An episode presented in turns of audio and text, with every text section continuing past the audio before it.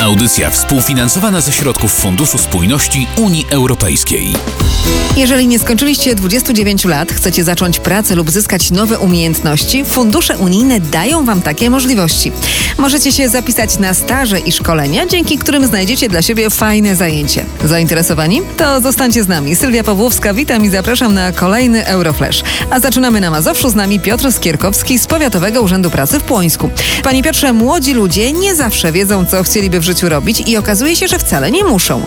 Wystarczy, że zgłoszą się do Was, a Wy pokierujecie tych młodych ludzi i podpowiecie na przykład na jakie zawody jest teraz popyt. Staramy się poprzez doradztwo zawodowe sugerować pewne rozwiązania, proponować szkolenia, które aktualnie na rynku pracy cieszą się największym zainteresowaniem. Mówimy tutaj o tych zawodach deficytowych, prawda, których brak na rynku pracy i staramy się tutaj wychodzić naprzeciw potrzebom osób młodych i realizować ich zapotrzebowanie w tym względzie. A jeżeli zgłoszą się do Was osoby, które dokładnie wiedzą, co chciałyby robić i jakiego zawodu chciałyby się nauczyć, to też pomożecie odbyć taki staż? Pozostajemy do dyspozycji osób młodych. Jeśli osoba bezrobotna chce uzyskać kwalifikację na przykład w postaci kursu spawacza, czy też prawa jazdy kategorii C, każdy możliwy staż, gdzie osoba młoda zdobędzie to doświadczenie jest przez nas realizowany. Młodzi ludzie z Płońska mogą uzyskać od Was fundusze na założenie własnej firmy, mogą skorzystać ze wspomnianych już szkoleń czy staży, ale jeżeli nie uda im się znaleźć niczego ciekawego w swoim miejscu zamieszkania,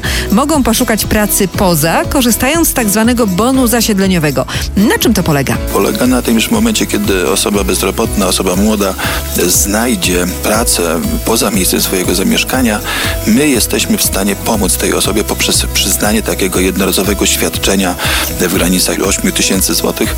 Może za to, nie wiem, zapłacić czynsz, rachunki, wyposażyć mieszkanie i tak dalej. E, Takie możliwości stoją przed młodzieżą z Mazowsza, a teraz przenosimy się na Pomorze, gdzie działa Pomorski Akcelerator Startu Zawodowego.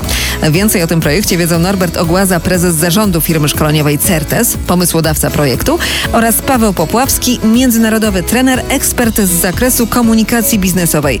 Panowie, do kogo skierowany jest ten projekt? Panie Norbercie. Są to osoby w wieku 19-29 lat, które zakończyły naukę, czyli absolwentów, ale także uczniów studiów niestacjonarnych. A jakie konkretnie macie propozycje dla osób młodych? Jakie szkolenia? Panie Pawle? Mamy w Gdańsku, Sopocie i Gdyni projekt, gdzie taka młoda osoba może kształcić się na jednej z dwóch ścieżek. Pracownika, tak zwanego junior accountant, czyli osoby, która ma do czynienia z finansami danej firmy, a także druga ścieżka związana z e, rozwojem w branży IT, na przykład tester czy specjalista do spraw mediów cyfrowych. I co dalej? Szkolenie, e, które uczy daną osobę przede wszystkim umiejętności motywacji, zarządzania czasem, inteligencji emocjonalnej, umiejętności odnalezienia się w danej firmie. A jak można się zgłosić? pomorskie.startzawodowy.eu Więcej informacji znajdziecie na stronie Fundusze Europejskie gov.pl w zakładce Sprawdź ofertę dla osób młodych.